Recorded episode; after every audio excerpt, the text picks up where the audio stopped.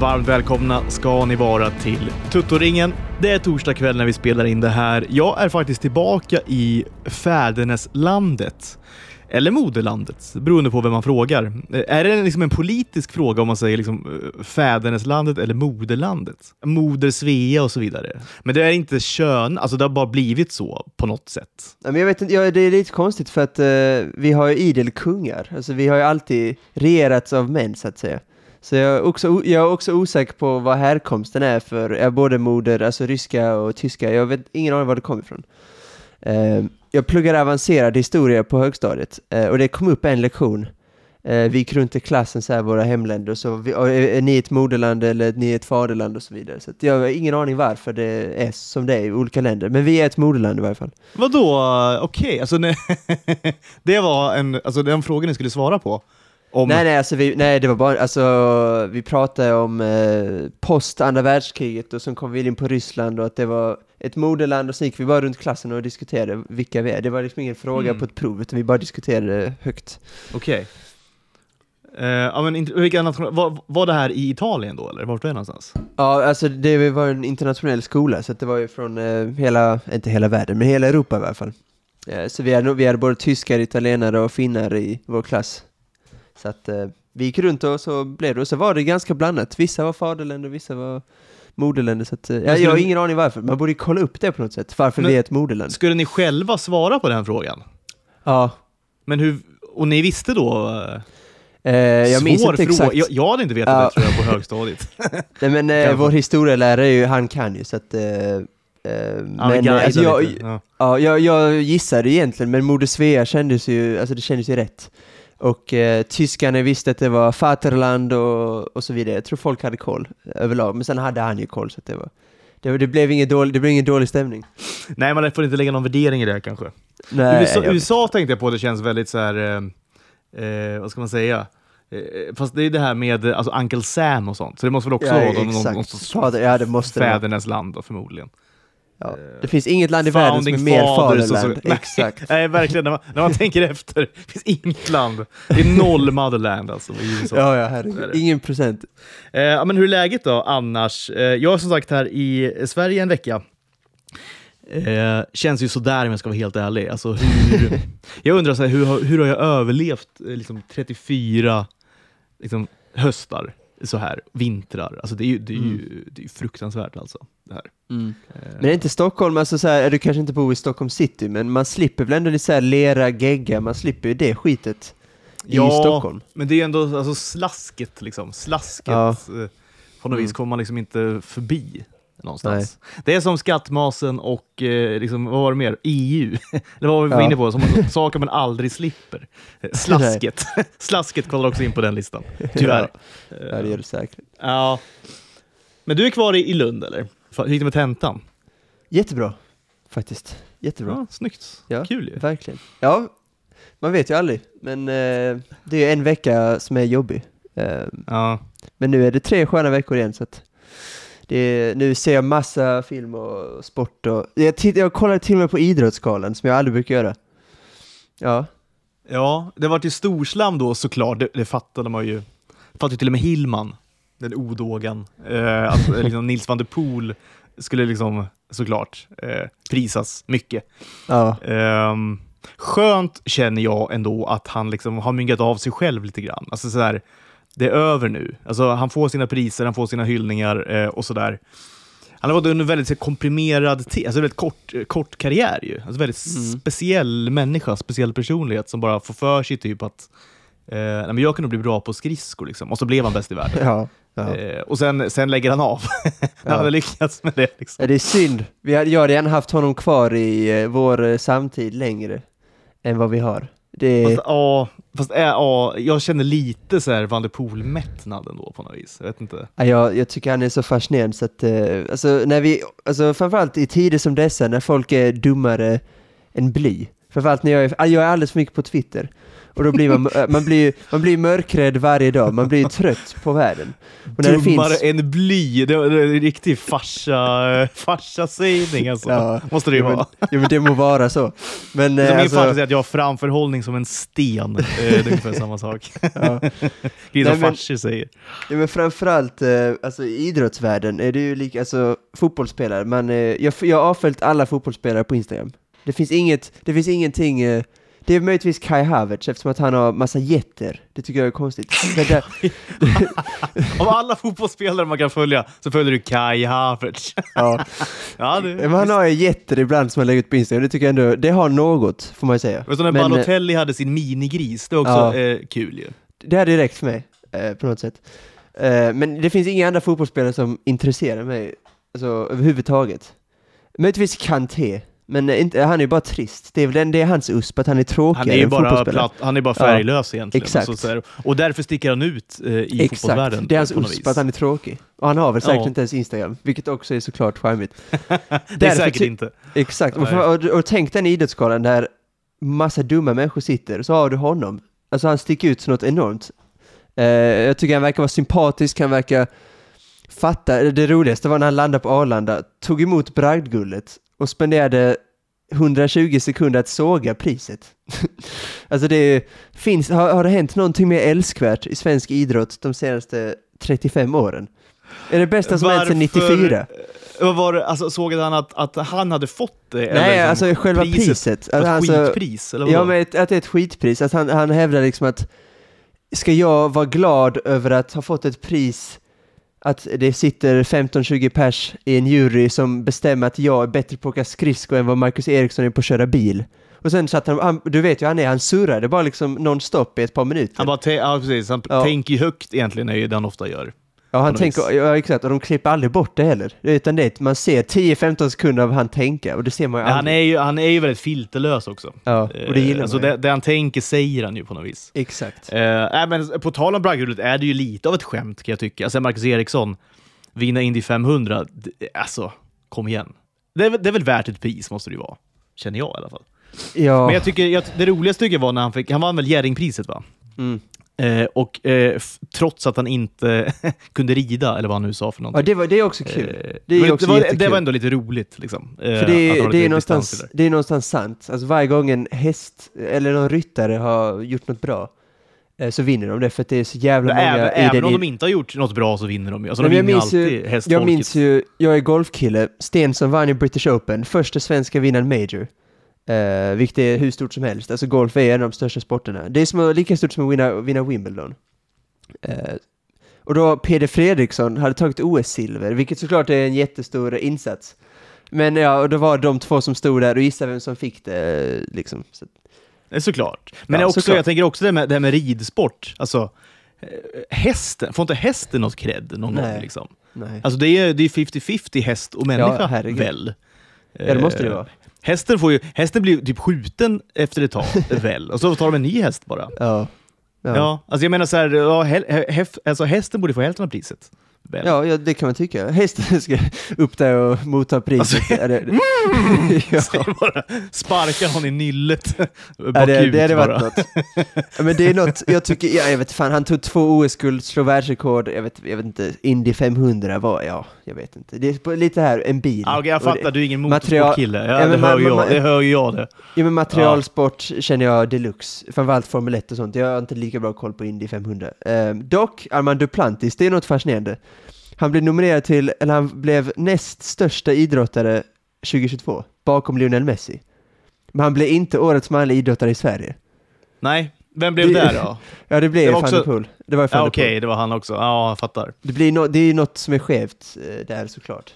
Um, även, om man, alltså man kan inte jämföra, alltså deras lista, vi- vilka nu det kan vara, The Guardian kanske, jag vet inte. De, deras lista är inte fakta, så att säga.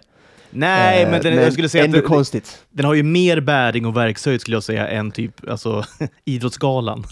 Ja, det får jag säga. Det, det kan man väl ändå slå fast, tror jag. Jag hade, tyckt, jag hade tyckt att årets prestation och Jerringpris hade kunnat gå till van der Poel, men årets idrottare, eftersom att han har slått världsrekord och VM-guld över ett helt år, då kan jag tycka att han har fått vinna det priset och van der Poel tagit övriga två då. Ja, alltså fyra priser Eh. är i överkant. Ja, kanske det. Men ändå, Nils van der Poel, jag vill bara säga att alltså, det, det måste vara den mest intressanta idrottsmannen vi har fått fram, alltså någon gång. Alltså det måste det vara. Vad är konkurrensen? Uff, alltså top of mind, det vet jag inte. Det måste gå att hitta motbud alltså, men Jag har svårt att se det.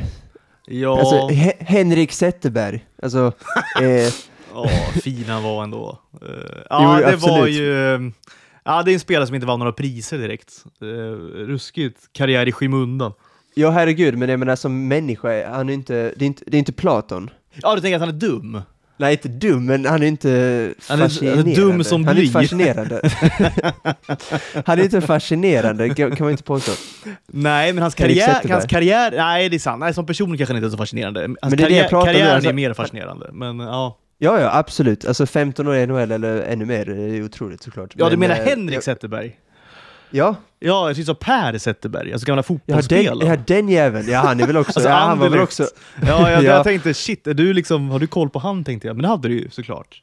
Jag tänkte på Z, men... eh, Nej, jag, nej okej, då är jag med på vad du menar mer. Ja, Ja. då köper jag, jag, det. jag tänker mer alltså personlighets... Alltså nu tar- pratar jag bara personlighet. nej, Är det på, någon? Alltså, på tal om färglös kanske.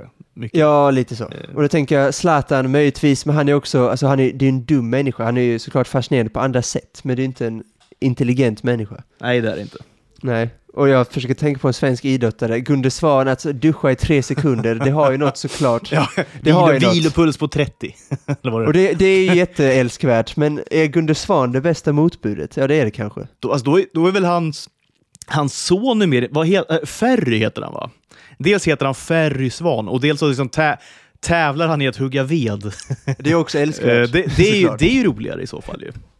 Ja, möjligtvis. Ska vi, ska vi bolla upp far och son Svan? Ferry Svan är ju liksom årets idrottsman egentligen. Hugger ved liksom for a living. Toto-ringen nominerar alltså Ferry Svan som årets idrottare. ja, tycker Ja. jag verkligen. Han borde varit med Ja, liksom, in contention i alla fall. Ja, och då glida så. runt på en, på en, på en, på en is, eller så här, på, på is eller, eller åka lite bil typ. Vad är det emot att liksom hugga ved dagarna i ända? Han har kommit till röda mattan, eh, limousin och såklart skogshuggarskjorta, så rutig. Alltså, Kommer, ja, han inte. Flanellskjortan, ja, verkligen. Exakt. verkligen. Fina Ferry Svan. Ja, ja, visst. Så här, sågspån i hela, i hela håret. Nej, men kanske nog, nog om Idrottsgalan då, den här Ja, det får vi ehm, verkligen säga. företeelsen som blir mindre och mindre viktig känns det som eh, ändå i ens liv. Ehm, vi ska prata lite om, eh, framförallt ska vi ta ett litet grepp om Last of Us som alltså hade premiär då Mm. i söndags. Mm. Ehm, jag såg eh, första avsnittet igår. Jag vet, jag vet inte vad jag ska tycka riktigt om jag ska vara helt ärlig. Här kanske vi är lite, på lite olika sidor, men jag, jag, jag, jag kände lite grann att jag blev eh, alltså underwhelmed, måste jag säga. Ehm, jag, jag vet inte, kände du? För grejen var så här, jag, jag såg avsnittet och jag, jag tror också så här, innan jag liksom börjar min lilla harang här, så är det väl så någonstans att alltså man börjar ju bli fruktansvärt kräsen när det kommer till alltså både film och tv egentligen. För att eh, man har ju ett liksom, attention span som en, en liksom baby schimpans typ. Alltså så här, det, det blir ju verkligen kortare och kortare, eh, ens attention span. Eh, och, och jag menar, när man har sett serier på senare år bara, du vet, vi behöver inte rabbla allt, men vi har Breaking Bad och du vet, Better Call Saul, Game of Thrones eller Chernobyl eller inte vet jag, True Detective, Fargo, du vet så här, House of Cards, eh, Leftovers. Men du vet, det, det, alltså, det har gjort så fruktansvärt mycket bra grejer på sistone.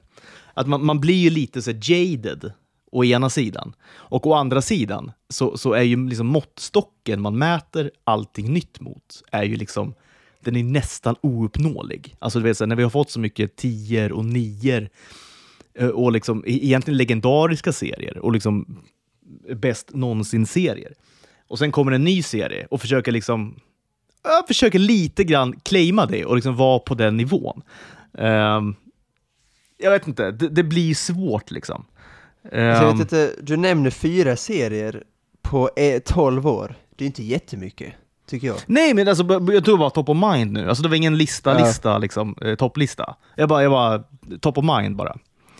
Ehm, Ja, eh, jag, vet, jag, vet, jag var faktiskt, ja, då kommer vi från helt olika, men då är jag mer en del av massan, för det har, den har fått otroligt mycket beröm. Mycket mer än vad jag hade kunnat föreställa mig. Jag tyckte det var en otrolig premiär, jag såg till och med om den. Ehm, första halvtimmen var jag helt sjuk. jag skulle säga precis tvärt, hävda precis tvärtom att eh, jag blir mindre och mindre kräsen för att det är mer och mer kvantitet för varje år som går. Vi får, det är så många tv-serier som släpps, så många filmer som släpps varje vecka. Där mycket är mediokert, okej okay, eller möjligtvis bra, men väldigt lite är väldigt bra. Um, och då ska jag säga att det här verkligen stack ut uh, på en HBO, eh, framförallt för HBO. Um, ehm, alltså, jag var faktiskt lite blå, första halvtimmen där var ju otrolig. Alltså, alltså det, här films... är, det här är fett kul alltså. För jag, jag, så nästa grej jag skulle säga, det är att så här, jag, jag behöver liksom bli golvad nu för tiden av en serie för att jag liksom ska fitta intresse. Och den här serien var inte ens nära. Och den andra grejen jag skulle säga, alltså första halvtimmen, eh, Alltså jag, det, det, alltså, jag tyckte det var bland det segaste jag sett. Alltså. Oj! Alltså så här, du vet, men, men säg, du och jag har ju spelat spelet till exempel. Och har ja. man spelat, alltså det var ju i princip Alltså det var ju frame by frame nästan, alltså storylinen. Alltså så här, det, det, var, kan, det var ju nästan scen för scen. Alltså vet, det kan vi, disk det kan vi eh, diskutera, för det har jag faktiskt skrivit ner, för det är faktiskt något vä väldigt relevant du tar upp. Det var väldigt likt spelet. Alltså, som sagt, som du sa, inte frame by frame, men det var många näst, sekvenser. Eh, väldigt många scener. Var, och, äh, ja, exakt, exakt. När hon, kliver, när hon går ner för trappan, när de sitter i bilen. Men spelet är ju väldigt cinematiskt också, och spel börjar bli mer och mer cinematiska. Alltså ja, det, är, är det. Detta, det är ett väldigt nytt fenomen, så det kanske inte är så konstigt.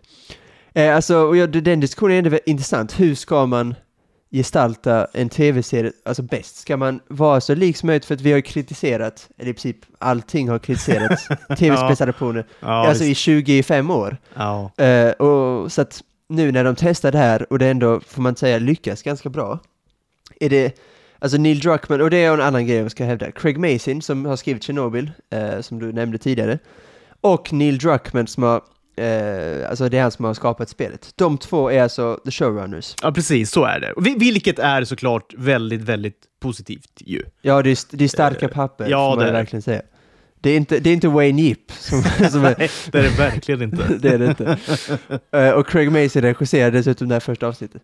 Det jag, tyckte han, jag tyckte filmskapandet var Alltså otroligt musiken, um, alltså manus, manusfattandet, och det, det visste man, eller det trodde man att det skulle bli bra med Craig Mason och uh, tv-spelskaparen. Det hade man då ganska höga förväntningar på.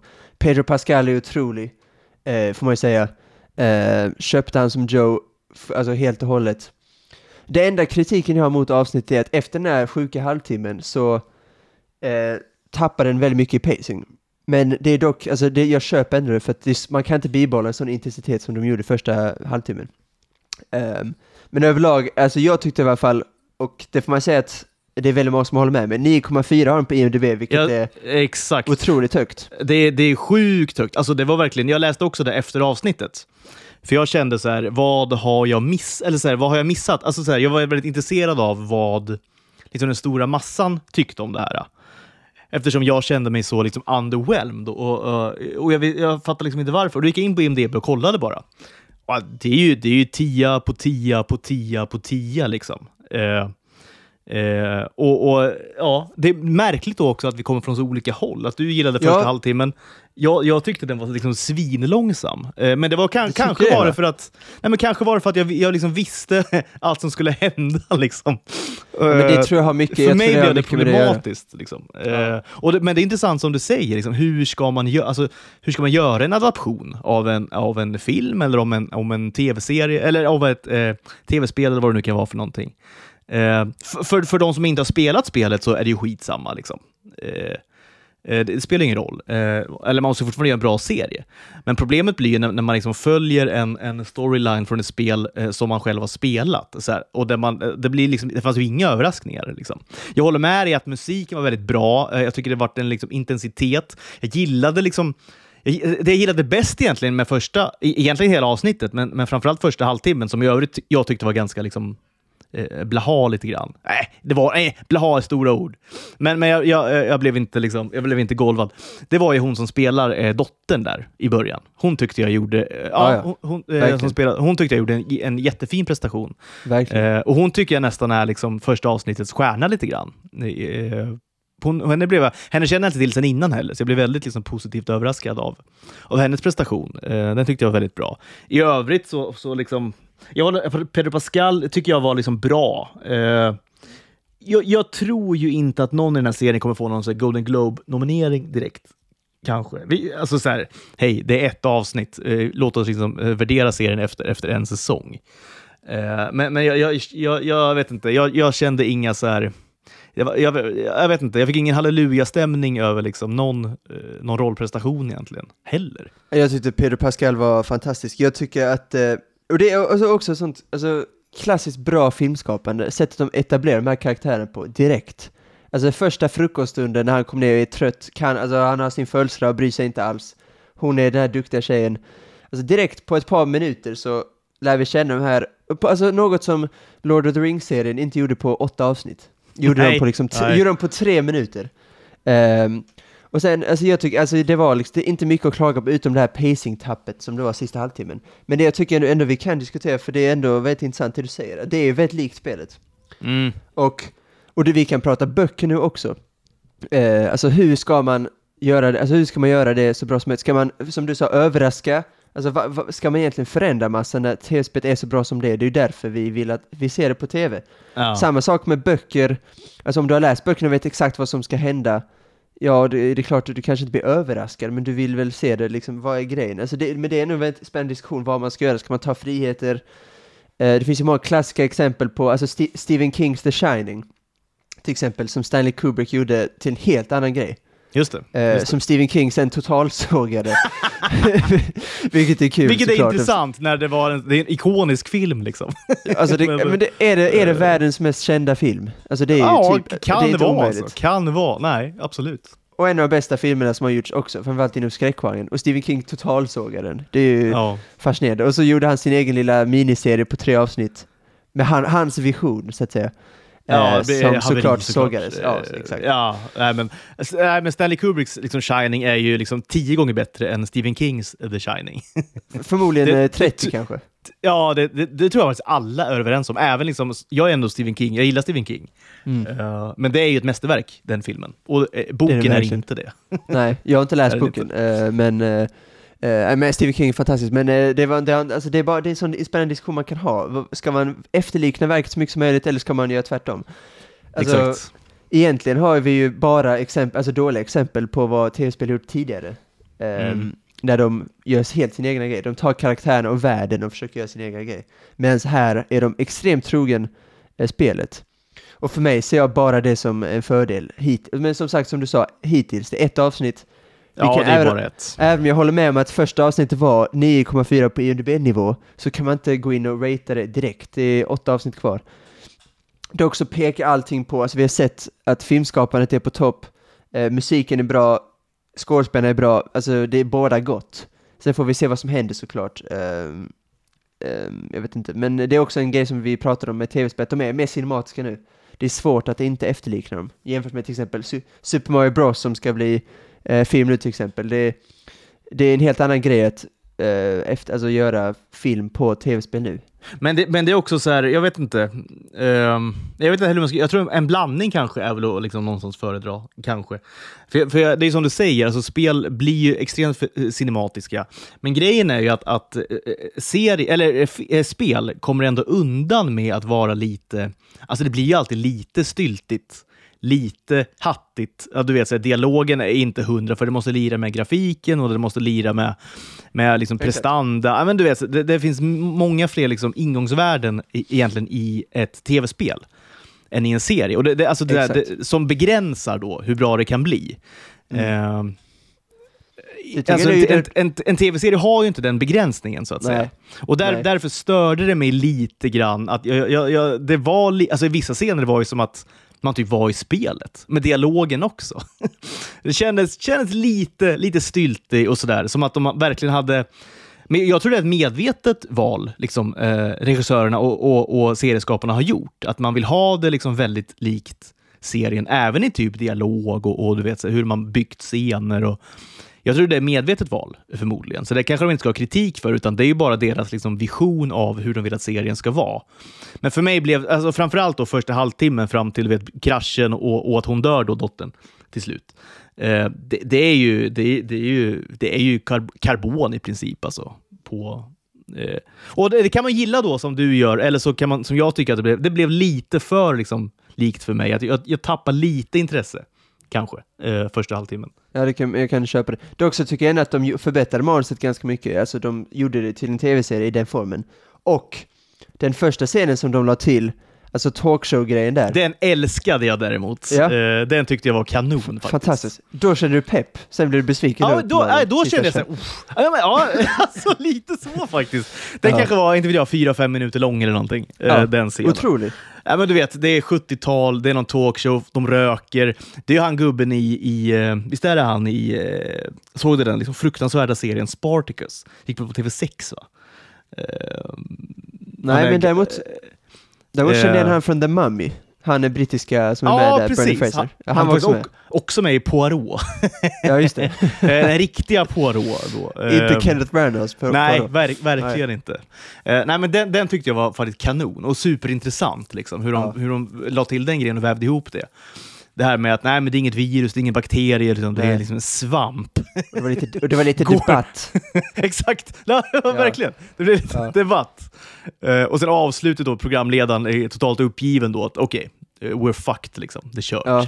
Och då eller man så här, och då känner man så här, det, det här är Chernobyl Craig Mason som har skrivit Ja, det här nu. Han, är- han är i ja. form. Då Eh, känner trygg. verkligen, ja, exakt. Ja, 100 procent. Den Så 4-5 det- minuters sekvensen som du precis eh, nämnde, den är ju, alltså det, det, den är bättre skriven än vad hela Lord of the Rings, eller Rings of Power är tillsammans. Alltså alla åtta avsnitt. Ja, alltså, ja, jag säger inte emot 100%. det. Alltså. Alltså, ja, jag säger Nej. inte emot det, jag inte. Eh, och då känner man att det här kommer bli bra. Men eh, jag ändå spännande att du tyckte, men jag köper ändå ditt argument. Du kritiserar liksom inte filmskapandet, du kritiserar själva grejen att det är så likt. Det köper jag Ja, ändå på något dels det och sen, och sen också att det var liksom 1.20 långt. Det blev, som du Ja. var inne på sen då, Ja. det, blev, det blev lite problem med pacingen. Alltså du vet. Hela, alltså man, så något man skulle kunna, eftersom att det är nio avsnitt nu, dela upp det här i två avsnitt, göra två kortare och släppa Ja, dem samma dag. verkligen, dem verkligen. samma dag. Absolut, absolut. Då Det tror jag hade varit bättre. Det hade varit bättre Ja. tror jag. Det hade jag också köpt. eh, Mycket bättre faktiskt. Men med det sagt då, eh, för mig kanske det landar på en, på en sjua kanske, det här avsnittet. Oj. Eh, Faktiskt. Eh, och det, jag Mm. känner mig väldigt då i en otrolig minoritet eftersom... jag, har inte eh, hört, jag har inte hört någon, förutom tv-spels... Nej. Nej! Alltså alla, alla älskar det här. Så att det, det är väl fel, jag får väl se om det då. Det är väl, det är väl fel på mig förmodligen. Du får, du men- får men- åka men- till så här, mammas garage och hitta killar, 16-åriga killar, de möjligtvis också har hatat på serien, men annars är det nog rätt själv. Kanske. Ja, jag känner, jag känner mig väldigt ensam i det här, men jag, jag vill ändå förmedla liksom, min, min bild av det. Men jag Eh, tycker men- att men- det med är det vettigt, sagt det du säger. Men med det sagt då kan vi väl förvänta oss kanske en, en, en liksom 55 minuter kanske framöver. Eh, där jag tror Ja, pacing vi kommer, kommer bli Det bättre och det kommer bli mer intensivt och du vet, så här, ju, ju längre storyn går. Så att, jag, jag alltså ser, alltså så här, som sagt, det, det är en hel säsong vi ska kolla på här och det är en, det är en serie jag kommer följa med intresse såklart, i och med att det, det är en sån big deal det här. Eh, Och att jag gillar spelet så mycket och så vidare. och så vidare. Så att, eh, men, men intressant ändå att, att vi landar på så olika sidor. Ja, som, vi har ju hållit med varandra i princip nonstop, utom då den klassiska Indiana Jones 4. Men nu har vi ett annat, nu har vi ett annat, eh, en annan ja, åsiktsskillnad i varje fall. Men Ja. eh, jag gissar att vi kommer landa på liknande håll. Eh, jag tror att du kommer vinna Det kommer nog jämna ut sig förmodligen. Vi landar kanske på en, en 8,5 kanske eller någonting båda två. När ja, jag, siktar, jag siktar högre med den här serien. Jag hopp till eh, ja, de som jobbar med den här serien helt enkelt. ja, det är väl det man har, men ja, jag, har svårt att det ska bli mer än en 9 alltså, så efter, efter Ja. ett avsnitt. Men det är också väldigt bra. Ja, såklart. Ja, gud ja. Gud ja. Men det är ju det som är så här, man, man, är så, man är ju så bortskämd liksom. Eh, det Är, ju vi det, verkligen alltså. så bortskämda? Jag vet, alltså, jag vet inte. Nej, men om, man, om man ser liksom i ett historiskt perspektiv, alltså du vet, så, om, om jag vill ha en serie som är liksom Breaking Bad för att jag ska gå igång Ja. på det, då är det ju liksom, det finns ju ingenting att kolla på i princip. Alltså du vet, man blir Nej, uttråkad. om du ska ta, om du ska ta allt. den tv-serien, men det är klart, du kan också ta Rings of Power, eller, eh, eller Ja. Stephen Kings The Shining. Men grejen med Rings of Power till exempel, det är att uh, hade inte jag haft du vet, mitt Tolkien-intresse, eller du vet, att om ha- hade inte vi älskat Sagan om ringen, då hade, då, hade, då hade vi inte kollat på Rings of Power. Nej, Så att men du det, satt ju man ko- har, du, jag vet, men du satt ju och kollade på den här Shantaram, till exempel, eller Shantaram, jag har ingen aning hur man ens uttalar det. Jag såg ju Eh. fyra avsnitt kanske. Ah, okej. Ja, Det, men, nej, men sen- det, är ett, det är ett exempel på en okej, eller habil serie, till exempel. Det är vi mer vana med egentligen än jättebra, tycker jag. ja det är vi. Men, men- det, liksom, det räcker liksom inte för mig längre. Då då blir det fyra avsnitt och sen skiter jag i det. För att det är så här, jag, jag, alltså vem bryr sig hur det här slutar? Inte jag i alla fall. Ja, typ nej. så. Liksom. Och det är Shantaram jättebra exempel på det. Ja. Ehm, men nu, nu, nu har man liksom, i, även om det här, ja, sjua, det, jag vet inte, det kanske är liksom väldigt hårt betyg. Jag vet. Alltså det- sju är väl ändå bra? Det är liksom Ja, bra, nej, det är bra. Det, och, och det är bra och jag tror det kommer bli bättre också. eh, är jag ganska övertygad om.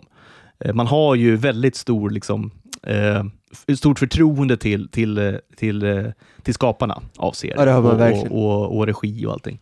Ja. Så jag, tror, jag tror absolut att, att det, kommer, det kommer bli bättre, även för mig. Liksom. Mm.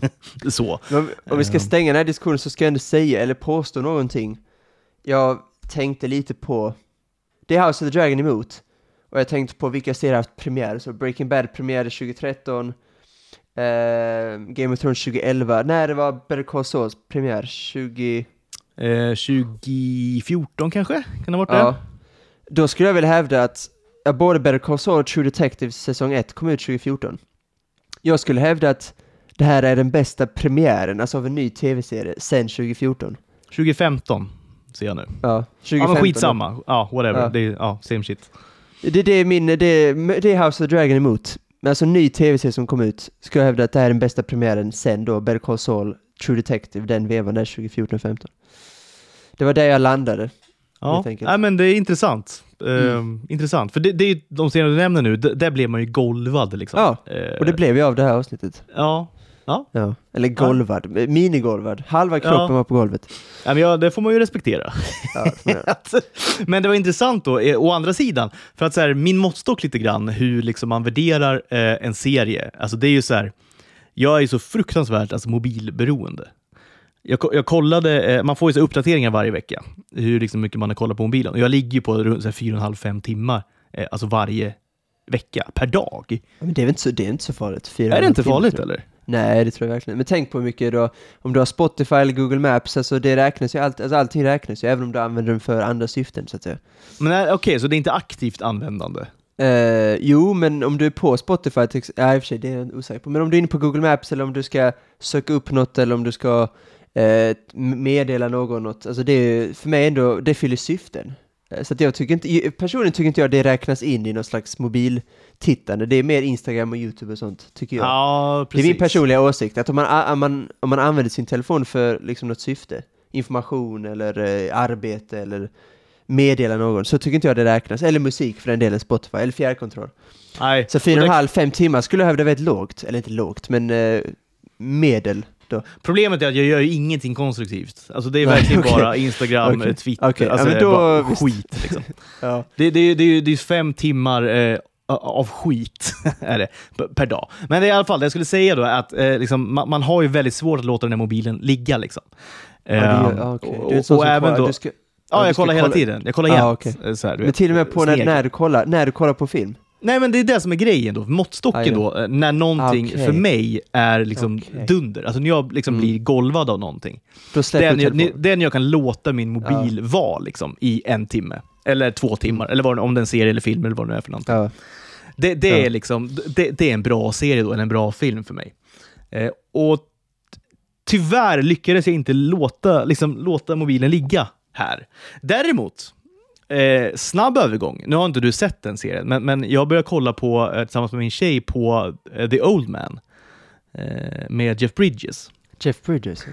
Eh, hans nya serie. The Dude. Ja, exakt. Mer känd som The Dude. The Dude.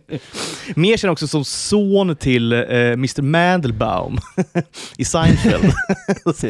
Personliga tränare. Eh, ja, eh, Lloyd Bridges hette han va? Eh, just det. Ja, eh, skitsamma. Eh, där måste jag säga, den, den tycker jag är en serie värd att kolla på. Även för dig då, som, som har, framförallt nu då kanske när det inte är tentatid längre, när det bara är föreläsningar som man låtsas gå på.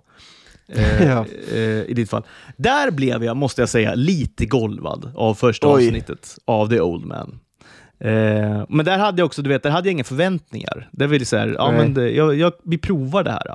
Och det slutade Ja, det med att, eh, och, och måttstocken för min tjej då är att hon inte somnar. hon har väldigt lätt att somna eh, till både film och serie, vilket är väldigt tråkigt då när man kollar på en film eller serie. Ja. Eh, det, är- det är inte kul liksom. Eh, men hon höll sig vaken hela, hela avsnittet och så här, vi båda kollade på varandra. Vi hade inte sett ett ord till varandra typ på ett helt avsnitt. Kollade på varandra och sa bara det här var bra. Liksom. Och det, det, är relation, det är också en reaktion, eh, på tal om att man är bortskämd. Det, den reaktionen får man inte så ofta längre. Nej. Faktiskt. Eh, Nej, okej. pos, positiv överraskning. Bara. Right. Då, har vi ha sagt, då, har vi det, då har vi det sagt. Men på tal om Jeff Bridges och The Dude. Eh, du vet vilka som, vilka som regisserade The Big Lebowski? Ja, Ja, Bröderna. Coen-bröderna såklart. Exakt. Ja, exakt. En av mina absoluta favoritfilmer all time high, som nästan jag ångrar att jag inte tog med på min eh, lista där med perfekta filmer. ja. Eh, Nicolas Cage, 80-tal, Raising Arizona. Där har vi ju något som eh, jag vill komma in på nu, Nicolas Cage. Ah. För jag hamnade då i en Nicolas Cage-period för under min tentavecka som var lite olyckligt, eh, kan man ju säga. Det är komplicerade saker och ting, men eh, jag löste det. I varje fall, ehm, vad är det för alltså 90-tal han har, och 80-tal såklart, innan Fear Las Vegas, eh, inte Fear, eh, Leaving Las Vegas och Ja. Adaptation och den, den stuket. Men Con Air Cage, Mm. The Rock Cage, Face Off Cage, Face off cage. ja, Raising Arizona Cage, Yes. 60, Gone, in in 60, 60 seconds. seconds, ja, måste ju nämnas. Ja. Absolut. Alltså, Matchstick Men, Ghost Rider, Wind. Wind Talkers, minns du den? den krigsfilmen? Är väl också en John Woo-film, tyvärr då Ja, kanske. ja, Eh, jag, men, men jag ändå. gillar inte, jag hatar, Eh, Joe, jag hatar Joe Woo. Men det är Nicolas Cage, det är Peter Stormare. Är det inte Christian Slater också som vi var inne på för ett par Ja, veckor han är, sedan? han är säkert där. Ja. Mark Ruffalo tror jag i en ganska tidig roll. Alltså så här, det är otrolig cast faktiskt, eh, Wind Ja. Eh, ja. Men eh, vad har du för relation till Nicolas Cage? Och vad tycker du om honom överlag? Nej men han är ju liksom, han hade ju, alltså min, min, alltså när jag började kolla på film, liksom, jag är född 88. Och då pratar vi ju när man är, hur gammal är man när man börjar liksom bli intresserad av film? Är man så här 9, 10, 11, 12 kanske? Kan det vara något sånt? Mm. När man liksom går igenom sin storebrorsas typ, eh, liksom, han, eh, på den tiden, min brorsa, han är ju 13 år äldre än mig. Eh, han hade ju då sådana här stora lådor med alltså, alltså, eh, VHS-band. Ah. Vet du knappt vad det är för någonting? Jo, jo. Men jo, tog, absolut. tog, ju, tog ju otroligt mycket plats, gjorde det, eh, i hans rum. Han hade kanske 150 sådana liksom, i en Mm. stor låda. Som han hade då bandat, man gjorde det, man, man spelade ju bara in från, när, det, när det gick filmer på tv, Ja. då spelade man ju in dem då. Pausade när det var reklam och sen satte man på igen eh, när det började igen, så fick man en hel film där. Så han hade ju kanske 150-200 filmer. Eh, och, och då snackar vi alltså, ja men säg att jag var 10-12 år när jag började leta i den där eh, liksom, eh, eh, samlingen. Och, och eh, när vi snackar 90-tal, vi var inne på, på John Travolta eh, för ett par veckor sedan, det är ju väldigt 90-tal. Eh, men en annan som är extremt mycket 90-tal, det är ju Nicolas Cage. Liksom. Så att, eh, nej, men de filmerna vi har nämnt nu, framförallt Face-Off, som är en av mina liksom, all time liksom. Jag älskar den filmen. Tycker den är liksom fantastiskt bra. Eh, och även då Gun 60 seconds, när den kom, tyckte jag var skitball. Då var jag 12 med hans då, den här eh, Eleanor, va? den här Mm. bilen han har, är ju, Mm. var ju fruktansvärt ball. Liksom. Ja. Ehm, och The Rock såklart, som var, som var cool eh, med Sean Connery och sådär. Um, nej, men, men, men ehm, det, det, ja, han, var ju en, jag tror vi nämnde det, men han var ju liksom eh, kanske 90-talets största stjärna egentligen. Men det jag tycker så fascinerande med honom är ju hans otroliga överspel. Alltså han är ju en karismatisk skådespelare får man säga, minst sagt. Och det är något jag kanske saknar lite grann idag ibland. Framförallt när det är sådana actionfilmer. Lite karisma bland liksom skådespelarna.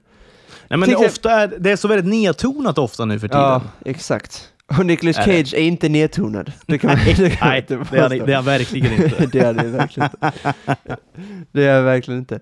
Ehm, och då ska jag säga The Rock till exempel som jag såg eh, väldigt nyligen och använde. Jag tycker den är otrolig eh, för att den är så jädra cheesy. Eh, Ja. och, det är ju, och det är alla de här filmerna i princip vi har nämnt eh, är ju cheesy. Eh, det är ju verkligen, eh, hur man än översätter det på svenska, smörigt kanske. Jag Ja, inte. men, ja, men så här, också då, alltså, på, en annan då som hade någon sorts revival, tror jag, under 90-talet, alltså Sean Connery. Ehm, Winners go home and fuck the prom queen. ja men alltså, ja, ja, men alltså det, det, är, det är väl inte en bra skådis ändå? Kan vi vara överens om det eller? Det är det ju inte. Uh, jag, jag. Det är någonting... Nej, jag vet- tror inte det alltså. Nej, han vann ju ändå Oscar för The Untouchables. Um, Vilket, vilket är sjukt eller? jag, jag gillar den filmen mycket och jag tycker han är bra i den. Sen att han har vunnit en Oscar, jag vet, jag vet fan. Han är inte Oscar bra, det tror jag inte han är. Nej, men det är också, ibland räcker det med att vara karismatisk. Alltså det är jättemånga spelare, spelare, pratar jag fotboll här? Ja, det är samma där i och för sig. Men eh, många skådespelare är inte alltid de bästa skådespelarna. Ibland räcker det med att vara väldigt karismatisk, som typ, ja, The Rock till exempel. Ja. Alltså han- Men, han- eh, ja, han har ju väldigt... Minns du också filmen Entrapment med Catherine Ja, det, Zeta-Jones? Ja, Också en Ja. otroligt eh, usel film. Eh, Ja, på det tal om det. cheesy då. ja. Um, Det är 90-tals... en det- annan, en annan 90-talsstjärna då, Catherine Ja, Zeta-Jones. exakt. exakt. Catherine Zeta-Jones. Men en Försvann sak... sen. Ja, ja, jo lite grann. Hon var med, hon är med, hon är med i Wednesday nu. Eh, men eh, det jag ska säga med just 90-tal, jag hatar folk som säger att "Nej, den håller inte längre. Eh, Det är ett sånt dumt, eh, sånt dumt argument, för i princip allting som är bra håller. Men det finns en, framförallt en tidsepok eh, som eh, har det svårt, tycker jag. Och det är 90-talsfilmer, ofta. Ja, de Eh, känns så otroligt daterade, gör de. Ja, men ofta längden och skådespel. Det är mycket med 90-talsfilmer ofta. Eh, som är, ja, men The Firm tycker jag är ett jättebra exempel. Eh, som, Mm, säkert, mm. må, som säkert många golvades av när den kom ut 93 med Tom Cruise. Men idag, det är fortfarande ingen dålig film, men det är ingen film som man ser om. Alltså, två och en halv timmes thriller med Tom Cruise som Sidney Pollack eh, liksom regisserade. Klassisk film som jag tar, Entrapment är också någon som säkert var okej när den kom ut.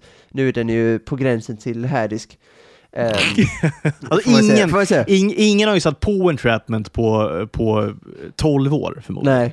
Ingen i hela världen förmodligen. Nej, möjligtvis Sean Connery då kanske. Nej, han inte, inte ens han. Han är ju död Eh, nu också. Ja, tyvärr får man inte säga. Eh, Tyvärr. Ja, det, ja verkligen.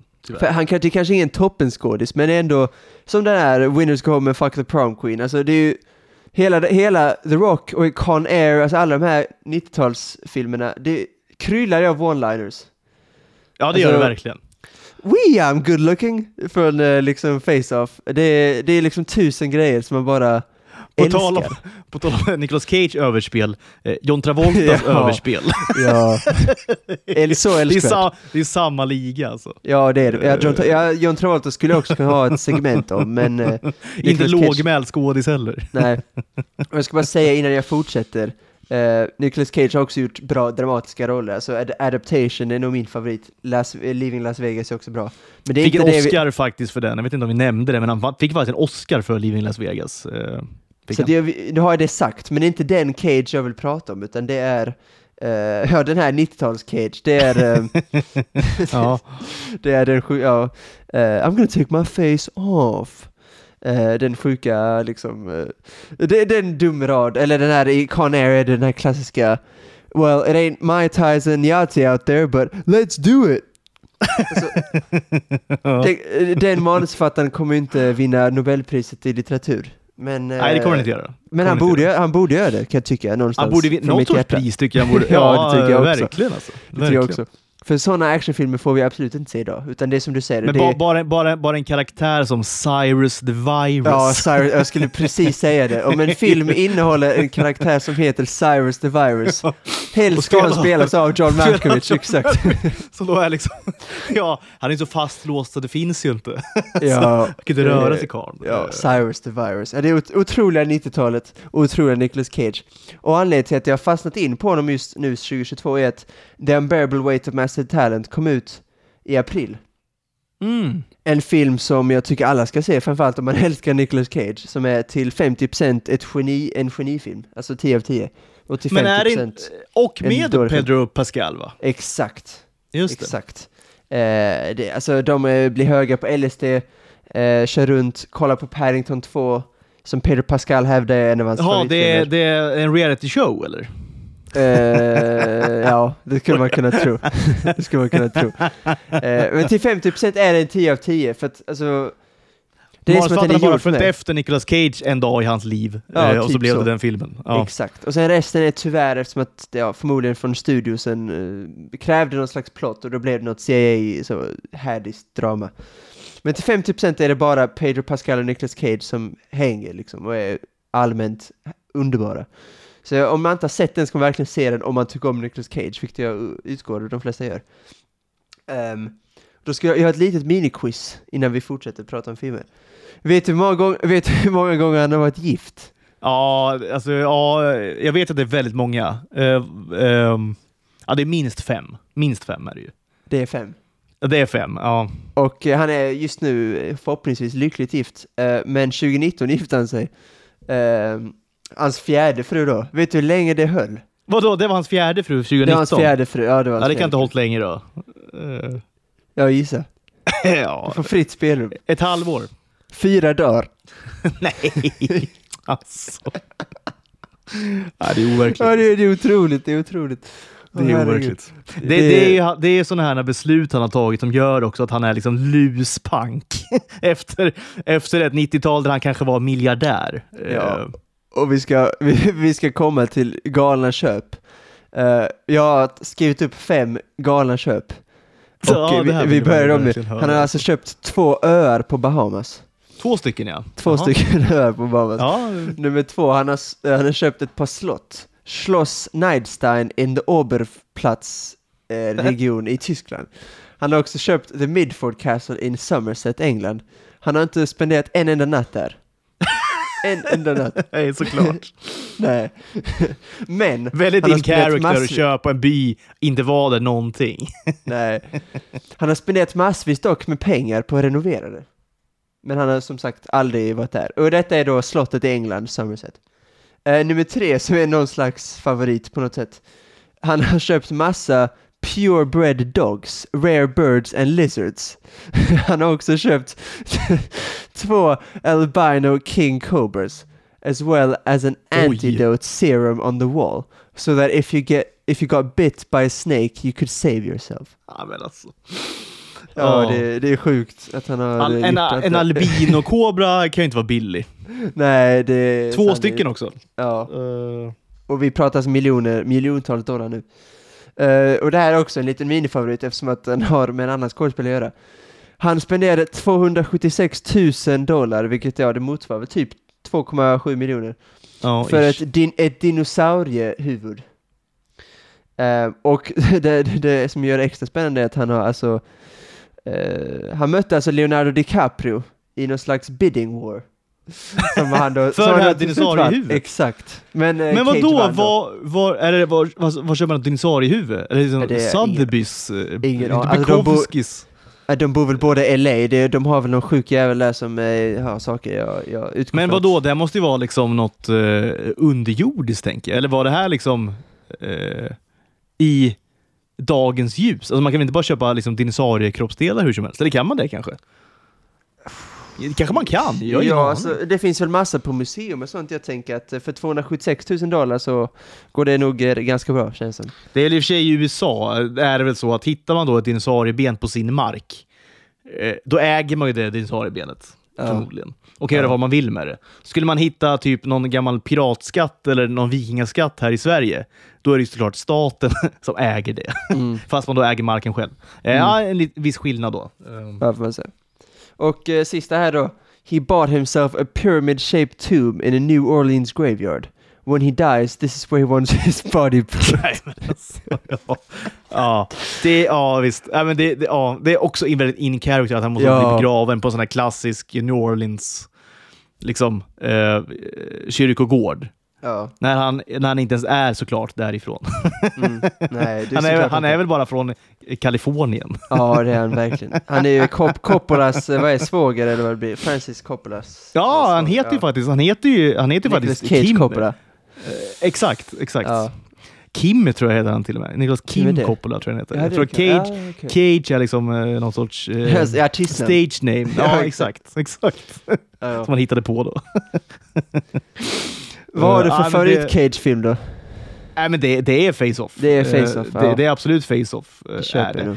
jag tyckte också om när den kom. eh, Det var ju också lite en sån här eh, redemption för honom. Alltså, minns du Kick-Ass? Den Oh. filmen? Ja, jag tog inte upp den, men absolut. Skitbra. Ja, den, den tyckte jag var väldigt kul och bra Ja. när den kom. Och där gör ju han en jättefin roll. Eller Ja, fin ver- roll, verkligen. men han gör det väldigt bra. Ja, gör det bra. Ja. Eh, gör han ju. Alltså, det är ju en bra skådis. Alltså, så här, han är Det ju är det väldigt verkligen. rolig att titta på. Ja, det är- han är, det är otroligt karismatisk Ja, det är och karisma. färgstark. Det är det ja, verkligen. det är det. I sin renaste form lite grann. Det är det verkligen. Men till exempel nu i The Rock så sitter han där när hans fr- eh, flickvän kommer hem, sitter och spelar på en Beatles-gitarr som han hade köpt för massa pengar. Han är ju kemist då. Exakt. Medan han då berättar om sin dag så spelar han då, han drar liksom slag då och då. Eh, alltså det är bara allting han säger, allting gör, hans överspel, hans minspel. Ibland han bara liksom drar ner huvudet mot marken och skriker och det Han gör några sjuka, gör han. Är Också i Face-Off, några riktigt sjuka. Alltså, minspelet är riktigt galet. Eh, Ja, då och då är det. ja. Eh, Om du har Mega ett- tjackad förmodligen, men ändå. Och, och har ett, eh, och en favoritfix, du har Matchstick Men, Ridley Scott. Underskattad film, tycker jag. ah, ja, ja. eh, med Sam Rockwell. Då är hans karriär som han spelar vet, en hypokondrisk människa. Som, eh, och det finns framförallt en grej de fokar på. Eh, vissa skulle hävda lite för mycket, men jag hävdar att det är underbart. Att han är sjukt, eh, det är väldigt viktigt för honom att ingen går på hans matta. Han vill ha väldigt raka mattor och varje gång någon ställer sig på dem typ, så blir han helt galen. Ehm, vilket eh, jag det är ett sånt genidrag att låta Nicolas Cage spela sån hy- först, alltså en hypokondrisk eh, bov, för han eh, stjäl saker. ja. Ehm, Kleptoman, hypokondriker. han vill bort från eh, det livet och, och leva med sin dotter. Sen såklart hamnar han i det igen. Sam, Sam, Rock, Sam Rockwell vill ha, vill ha hjälp och så vidare. Och då är det här grejen med mattorna. Att han är sjukt eh, obsessed med sina mattor. Ja. Och det är för mig, eh, det är för mig eh, Nicolas Cage, att han, eh, är, han blir galen när folk ställer sig på, sina, på hans mattor och ja, fuckar upp det enkelt. Jag tänk, nu, nu, nu när jag liksom tänker på Cage, eh, tänker jag på alltså, den här filmen. Har du sett Knives Out, alltså Glass Onion än? Japp. Ja, du har gjort det. Hade Och inte en så här- dröm, om han hade varit med där. Ja, men alltså byt ut Edward Nortons karaktär mot Ja. Nicolas Cage. Alltså du vet, det är en homerun alltså. Oj, och då oj, snackar oj. vi homerun, gör vi. Och då Då snackar vi typ en till Oscar. Ja, men så jag tycker inte ens Edward Norton var dålig. Nej, absolut inte! Eh, Nej, han, alltså, men, han eh, gör det men, bra. Men jag, köper ditt, men jag köper ditt argument, alltså herregud vad det hade varit, eh, och vad bra han och Ryan Johnson hade säkert lyckats med det. För det Ja. krävt ett geni som förstår Cage och förstår, Alltså de kan hantera Cage. 90-tal, exakt. Ja, men exakt, exakt. Det finns ingen bättre än en välskriven Cage. Alltså det finns inget bättre, skulle jag hävda. Nej, det, nej, vad, nej, vad skulle kunna vara bättre liksom? Vet Nej, ingen. Inte. Nej, typ Ja, det är inte. Daniel, Daniel Day-Lewis då. ja, jo. Fast han behöver liksom, han kan också ha, liksom, han, han, alltså Nicolas Cage behöver någonting som är välskrivet också, någonstans. ja, vara, för, att, sk- för att skina. Daniel Day-Lewis kanske inte behöver det egentligen. Han blir liksom... Nej. Ja, och det kan eh, inte Cage, för Tror Cage har sina inte- brister, ska vi ja, också säga. Ja, eh, eh, ja, eh, exakt. Framförallt. Ghost Rider och så vidare, Wickerman. ja, Wickerman och så vidare. Ja. Eh, National Treasure. Är den så, då, är den så dålig då? För det jag hade inte faktiskt skrivit ner dålig. den. Nej, alltså den är väl... Men den är ju den är inte, den är inte jättebra. Den är Äh, väl eh, Det kanske är en sexa. Är det en sexa? Sex och en halv kanske? Ja, det ska jag köpa. Eh, Så här, kul äventyrsfilm, Ja. får man säga. Ja, den är inte dålig. faktiskt- Han bär upp, Nej, han är- bär upp den filmserien lite grann. Ja, det gör han. också. Dock en, Eh. en kritik är att han spelar inte riktigt sig själv. Han är lite nedtonad, tyvärr, i den eh, rollen. Ja, det är han. Uh, vilket är lite synd. Eh, men det är väl en Disney-grej, jag vet inte fan. Eh, så det, det myggar vi av vår andra, mitt andra hatobjekt då, John Turteltaub, som regisserade den filmen. Att han inte, att han inte lät Cage flyga. Nej, men det Eh, är för ett misstag såklart. mycket skit Stort för. misstag. Ja, det det. ja herregud ja. Anlitar man. Nicolas Cage, då, vill, då, måste man, ju- då måste man liksom köpa det paketet. Då får man ju liksom... Ja. Ja, då, låt Nicolas Cage vara Nicolas Cage. Då, kom, då kommer det bli bra. Liksom. ja, verkligen.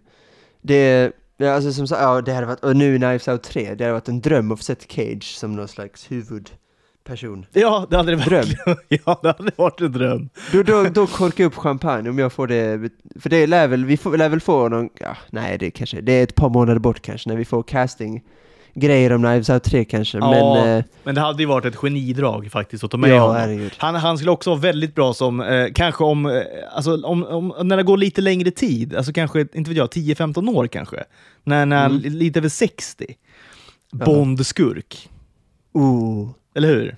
Och här, redan nu dock, eh, Ja, Bondskurk. kanske redan nu faktiskt. Eh, Det, Fast det hade ju varit kanske. någonting. Ja. Alltså. ja, herregud. Ja, du, du har bra idéer om Cage, nästan Ja, men jag tycker vad det. Ja, men jag kanske ska liksom ringa hans agent som får lobba för lite bra roller här nu. Maila. Barbara Broccoli, maila Barbara Broccoli som är producent för Bond. Ja, exakt. Innan hon sabbar den här, den här, eh, den här liksom karaktären eh, fullständigt. Vilket hon är lite på väg att göra känns det som. Oj, tycker du det? Nej, jag vet, nej men det återstod att se lite grann. Eh, Nej just det, det var ju du som skrev det här om No time to die, just det. ja, Eh, det var innan, eh, vad heter det nu, tipslördag.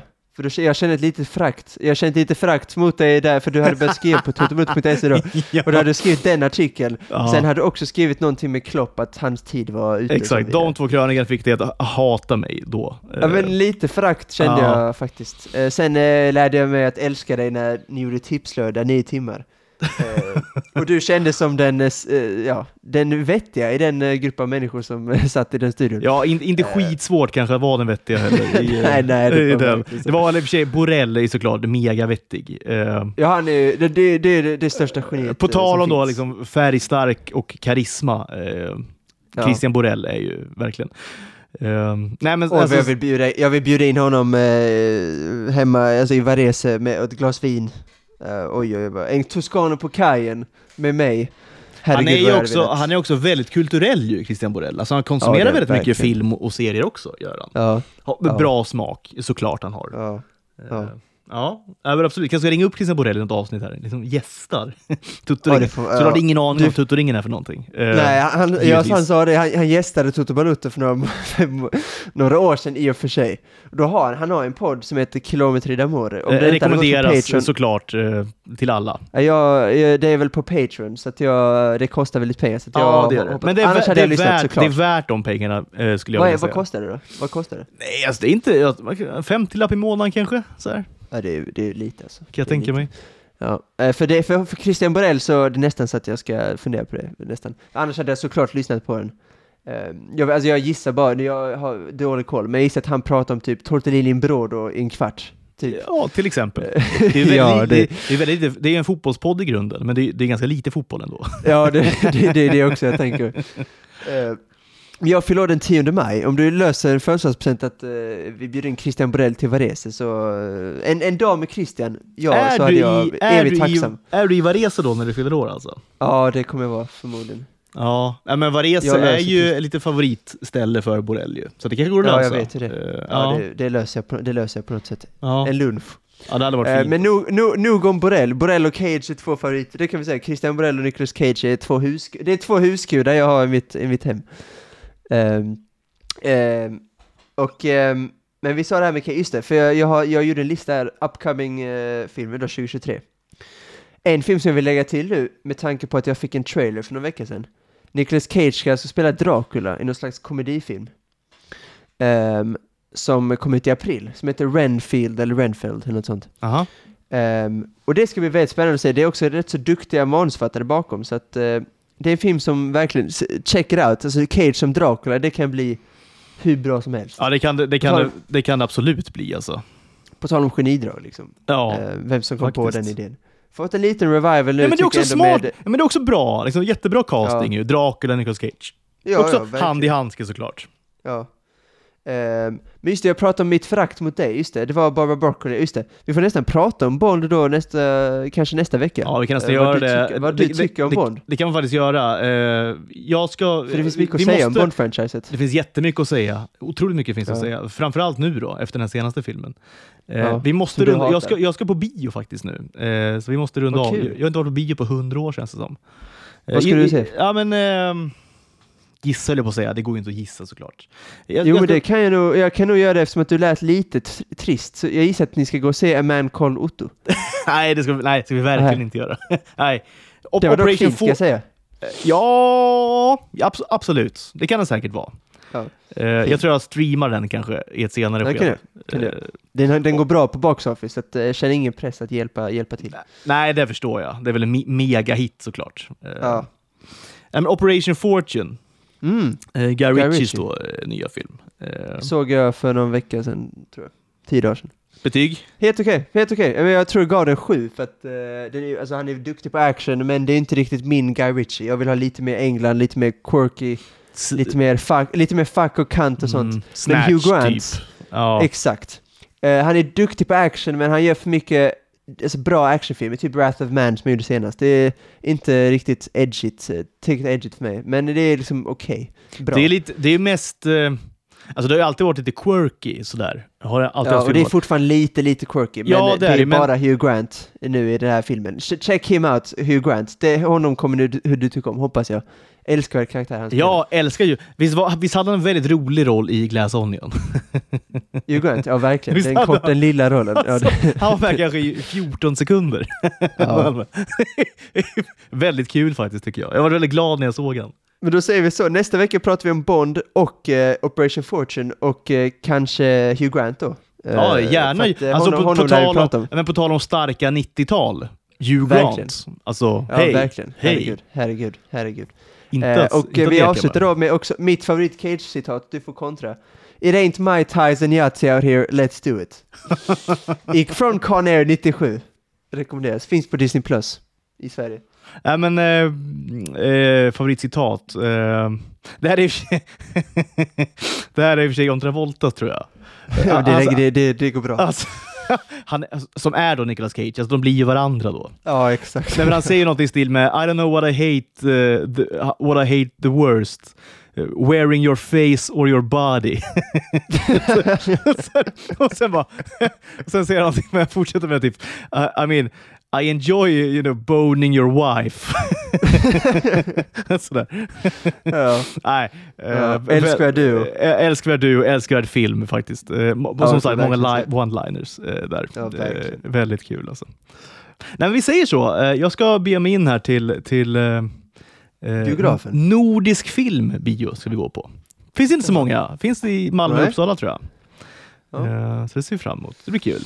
Long live Nicolas Cage. Ja, verkligen. Justice for Känner jag. Nicolas Ja. Cage. Justice Eh, for Nicolas Forza Cage, Nicolas ja. Cage. Eh, en, en, av våra största helt enkelt. Är. Ja, verkligen. Herregud. Adlas. Adla honom i, senast idag. Kung Carl Gustaf den 16. Och Kungen får ad, exakt. Han, han får den här, vad heter det, Serafimerorden. Är det den som de alltid exakt. får? Den här ljusblåa. Ja, exakt. Ja. Nicolas Cage blir den första adlade i Sverige. Jag ska skriva ett brev, nominera Nicolas Cage till Serafimerorden. För då lång och trogen tjänst kanske, in, inom, Ja. inom eh, filmens värld någonstans. Eh, För svensk film. han har ju väldigt då vag, det går säkert att hitta någon svensk koppling kanske. Eh, Han har sagt, någon av hans fem fruar har säkert varit svenska på något sätt. ja, förmodligen. Exakt. Ja. Inte omöjligt alltså. Ha det så kul på Guy, eh, låt Guy Ritchie underhålla er. Ja, det ska Eller jag dig. verkligen göra. Jag ska eh, exakt Ja. ta en paus här i två timmar bara, från livet. Ja. Eh, Ja. ciao! Ciao, ciao.